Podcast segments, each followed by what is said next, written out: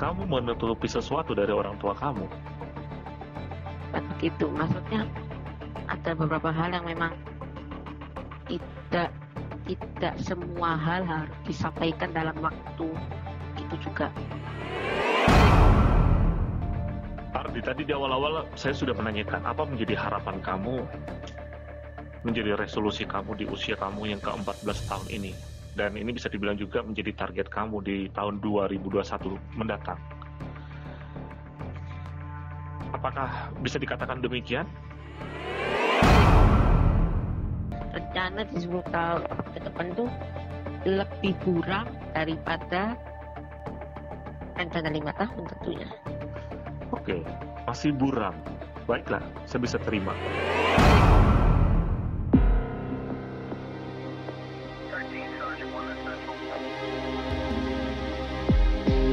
Berbagai kisah nyata akan dituturkan para korban penculikan.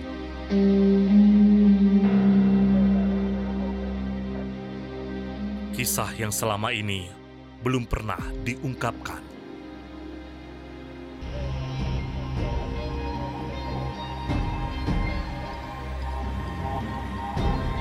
Podcast, podcast penculikan, penculikan.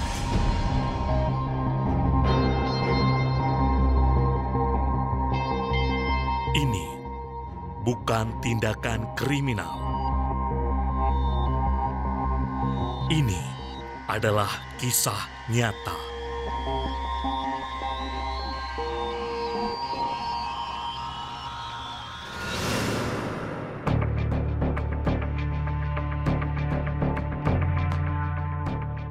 Selamat datang di podcast penculikan. Ini bukan tindakan kriminal, ini adalah kisah nyata. Tantangan 30 hari bersuara oleh komunitas The Podcaster Indonesia sudah memasuki hari ke-30. Di hari terakhir saya melakukan penculikan ini, tema yang saya terima adalah tentang resolusi. Menjadi satu hal yang lumrah dan wajar ketika menjelang pergantian tahun, resolusi selalu menjadi bahasan bagi sebagian orang. Resolusi menjadi perencanaan untuk memulai kehidupan yang baru agar lebih baik dibandingkan kehidupan sebelumnya. Dan di hari ini, para saksi, korban terakhir kasus penculikan di 30 hari bersuara adalah seorang pelajar SMP. Saya menculik dia karena beberapa hari yang lalu baru saja memperingati hari kelahirannya yang ke-14 tahun. Anggota termuda di komunitas The Podcaster Indonesia. Seorang pelajar SMP, Negeri 19 Surabaya, kelas 8. Selamat datang, Ardi Ilham Falah, di podcast Penculikan. Apa kabarnya? Baik, Baik. Oke, kamu sudah siap untuk saya interogasi hari ini. Di hari terakhir 30 hari bersuara. sudah siap. Oke, Ardi. Beberapa hari yang lalu di grup The Podcaster Indonesia di grup Discord, kamu mengubah nama kamu. Aku hari ini 14 tahun. Apa harapan kamu di usia kamu yang ke-14? Sebelum interview penculikan hari ini, sebetulnya saya belum merencanakan apa pun mengenai per- eh, setelah pertambahan usia saya. Namun jika dipikir-pikir, eh, setelah seiring berjalannya waktu selama pandemi ini, nampaknya saya perlu memikirkan sesuatu yang memang menunggu perkembangan podcast saya, kemudian media sosial, dan juga uh, sisi akademis. Hmm. Jadi, jadi kalau kita bagi-bagi, yang pertama mungkin uh, menabung untuk bisa membeli perlengkapan podcasting. Kedua, usaha membangun jaringan promosi, jaringan media sosial, baik secara pribadi maupun oh, untuk promosi podcast ataupun untuk hal-hal yang lainnya secara baik. Kemudian yang ketiga ya tetap meningkatkan prestasi akademik. Hmm, bagaimana dengan prestasi akademik kamu? Karena saya baru tahu kan kalau uh, semester ini barusan saja berakhir dan sekarang sedang libur sekolah. Bagaimana hasilnya? Sesuai yang kita harapkan, namun tetap perlu disadari memang banyak kekurangan yang yang untungnya nggak ketahuan. Untungnya nggak ketahuan, maksudnya untungnya nggak ketahuan, ketahuan sama siapa? Orang tua kamu menutupi sesuatu dari orang tua kamu. Begitu, maksudnya ada beberapa hal yang memang tidak tidak semua hal harus disampaikan dalam waktu itu juga. Bisa saja kita memberitahu sesuatu pada saat hal itu telah berakhir ataupun ketika kita sudah lupa terhadap peristiwa tersebut. Setiap orang memiliki prioritas dan privasinya masing-masing. Wah, sungguh cerdas sekali jawaban kamu sebagai seorang pelajar kelas 8 SMP. Oke, baiklah karena itu adalah sebuah privasi bagi kamu, saya akan beralih dengan pertanyaan lainnya terkait tadi podcast. Kamu mau menabung untuk memberi peralatan podcasting dan tadi di awal sudah saya perkenalkan, bisa dibilang kamu ini adalah anggota termuda di komunitas The Podcaster Indonesia yang tergabung di Discord. Kenapa kamu ya. tertarik terjun di dunia podcast ini? Padahal kalau saya mengamati fenomena anak-anak sebaya kamu itu banyak yang merambah ke dunia YouTube dan juga TikTok. Apa yang membuat kamu memilih podcast? Sebetulnya kalau bisa dibilang saya adalah orang yang seperti dengan orang lainnya yang seusia di mana pengennya jadi seorang youtuber atau sekali-sekali merambah ke dunia game namun berhubung YouTube adalah sebuah platform audio visual yang juga mesti melibatkan melibatkan wajah, kemudian skill skill editing yang harus bagus sejak awal. Dan tidak ada pendukung yang uh, yang mudah untuk menjadi youtuber karena memang persaingannya juga makin hari semakin sulit. Berbeda dengan podcast akhirnya kalau dirasa platform podcast adalah sebuah alternatif yang uh, bisa saya gunakan untuk berkonten. Sedangkan untuk masalah TikTok uh, dari dulu sekali memang tidak ada ketertarikannya ke sana. Hmm. Gitu. Oke. Akhirnya pilihan jatuh pada podcast dan kamu memiliki podcast radio bawah tanah. Kenapa dinamakan radio bawah tanah ini? Apa yang berbeda dan menarik dari podcast radio bawah tanah ini dibandingkan podcast lainnya?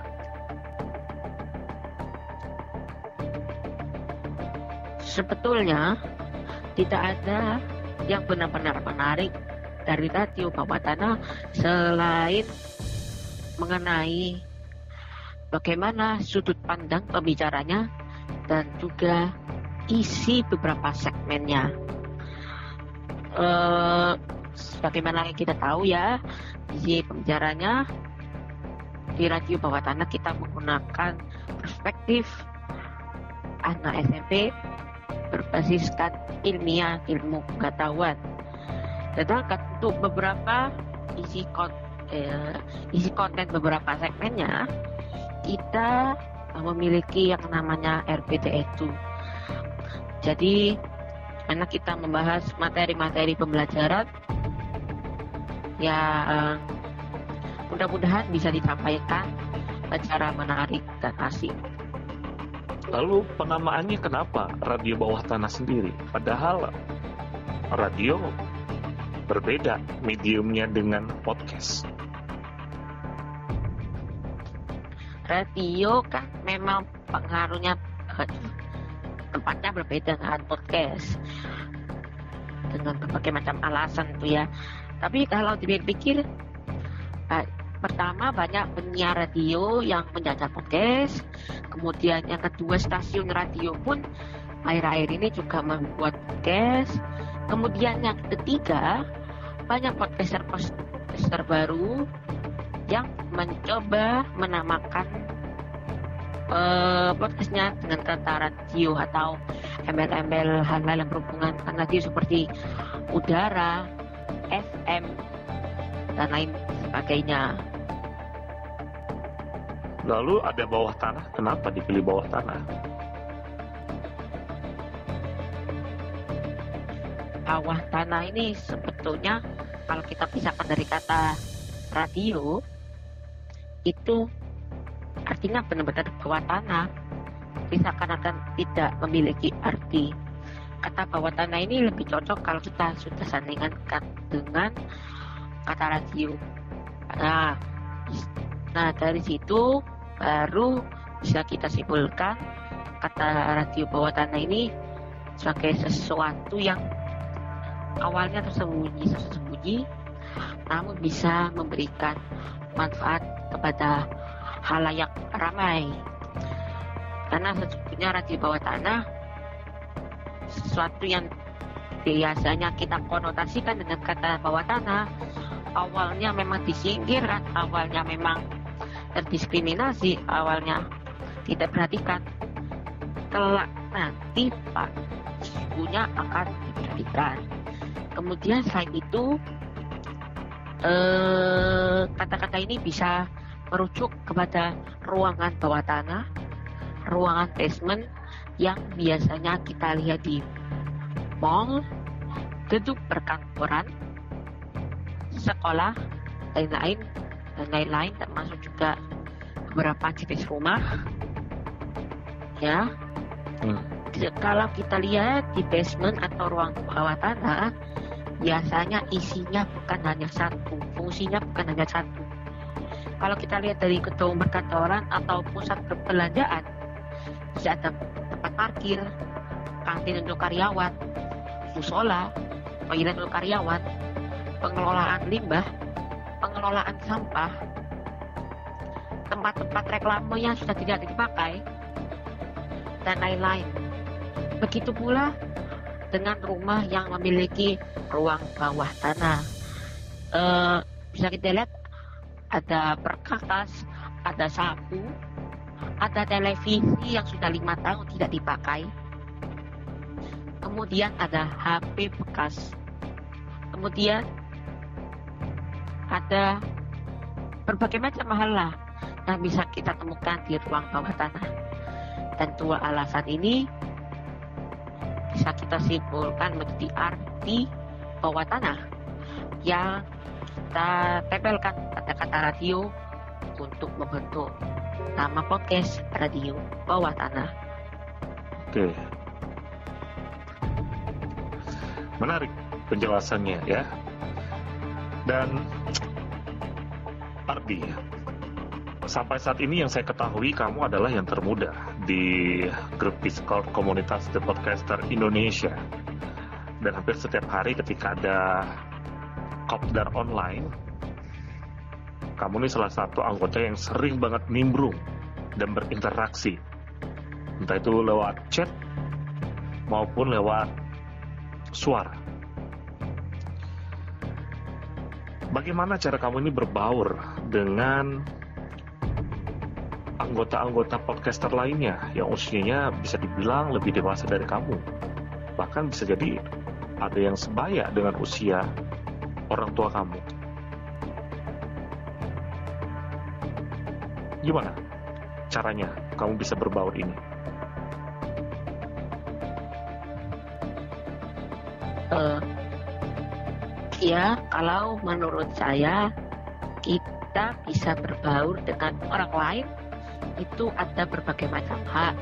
Hal alasannya salah satunya adalah memiliki interest yang sama, memiliki ketertarikan yang sama. Dalam hal ini adalah dunia podcast. Uh-huh. Dan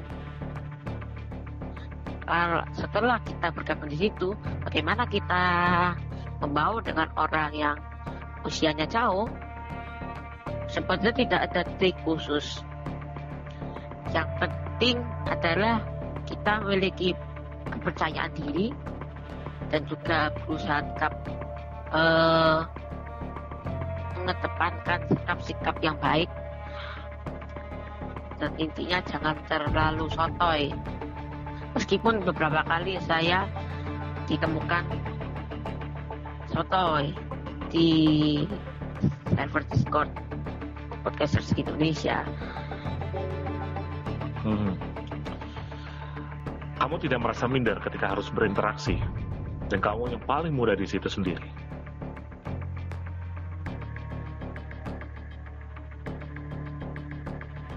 Uh, uh, tidak ada rasa malu, tapi memang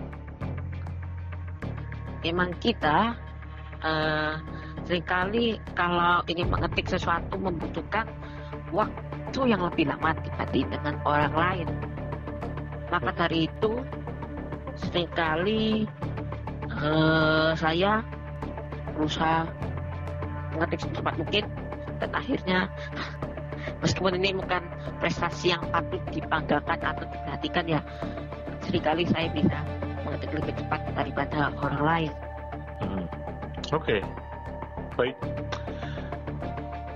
Ardi, tadi di awal-awal saya sudah menanyakan apa menjadi harapan kamu, menjadi resolusi kamu di usia kamu yang ke-14 tahun ini. Dan ini bisa dibilang juga menjadi target kamu di tahun 2021 mendatang. Apakah bisa dikatakan demikian? Uh, bisa dikatakan demikian, namun tidak menutup kemungkinan resolusi atau harapan ini saya pakai untuk usia saya ke-15 atau bahkan yang ke-16 tahun. Oke, okay. 15 16 tahun ya. Tapi bagaimana kalau misalnya kita berbicara tentang lima tahun ke depan? Itu artinya kamu sudah lulus dari jenjang SMA. Resolusi apa yang sudah kamu siapkan untuk ke depannya nanti?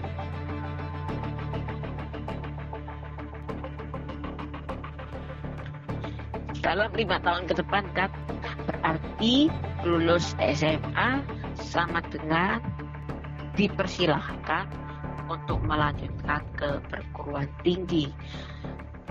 Ya betul sekali.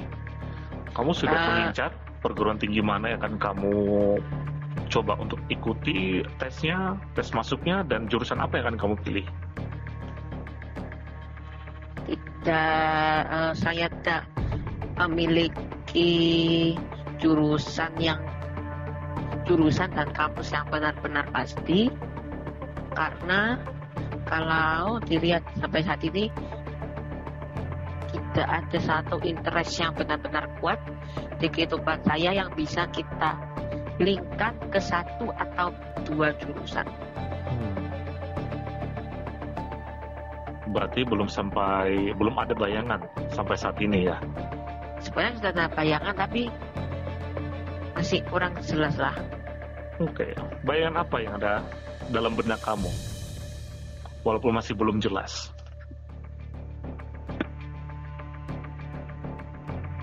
Bayangannya uh, tentu jurusan apa dengan... yang akan kamu pilih? Walaupun itu belum tentu nanti akan menjadi jurusan yang akan kamu jalani lima tahun ke depan nanti? Ya, eh, mungkin kira-kira bayangannya terletak pada jurusan teknik elektro atau perencanaan wilayah dan kota. Dua jurusan itu yang akan menjadi resolusi kamu lima tahun ke depan. Oke. Kemudian 10 tahun ke depan dari sekarang, bisa dibilang kamu sudah lulus dari perguruan tinggi dan memasuki dunia karir. Karir apa yang ada dalam benak kamu saat ini yang akan kamu jalani? Walaupun kita tidak tahu, selama perjalanan 10 tahun ini pasti akan ada perubahan dalam perjalanan hidup kita. Ya, tentunya untuk merencanakan 10 tahun kita harus memiliki rencana di lima tahun itu dan berhubung saya tidak memiliki rencana pasti di lima tahunan itu maka bayangan rencana di 10 tahun ke depan itu lebih kurang daripada rencana lima tahun tentunya Oke, masih buram. Baiklah, saya bisa terima. Lalu, goals dalam hidup kamu apa nih? Tujuan terbesar dalam hidup kamu? Bisa dibilang ini bisa menjadi sesuatu yang jangka panjang ke depannya. Yang sudah harus kamu siapkan dari sekarang.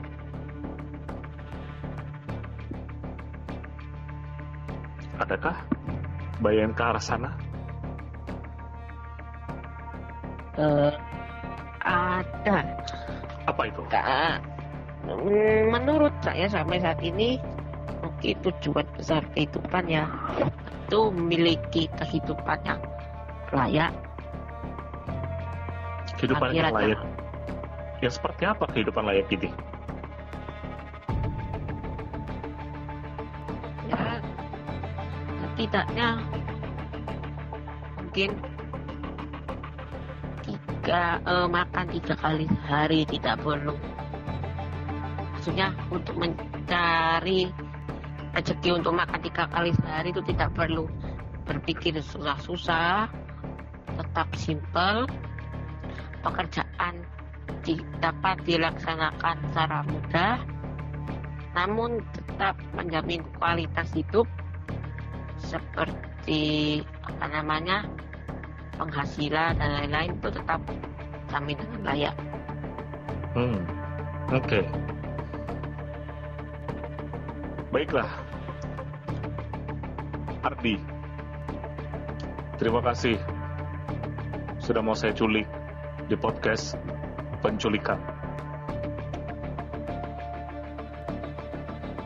Oke, terima kasih kembali. Para saksi, demikianlah obrolan saya bersama Ardi Ilham Falah. Di hari ke-30, tantangan 30 hari bersuara yang diadakan oleh komunitas The Podcasters Indonesia. Tantangan sudah saya terima dan diselesaikan. Hati-hati dan waspada. Siapa tahu Anda yang akan menjadi korban penculikan berikutnya.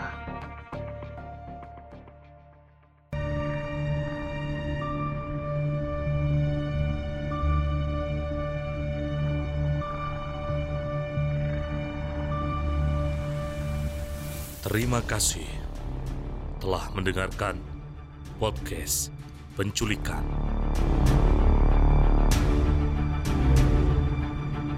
Siapakah korban penculikan berikutnya?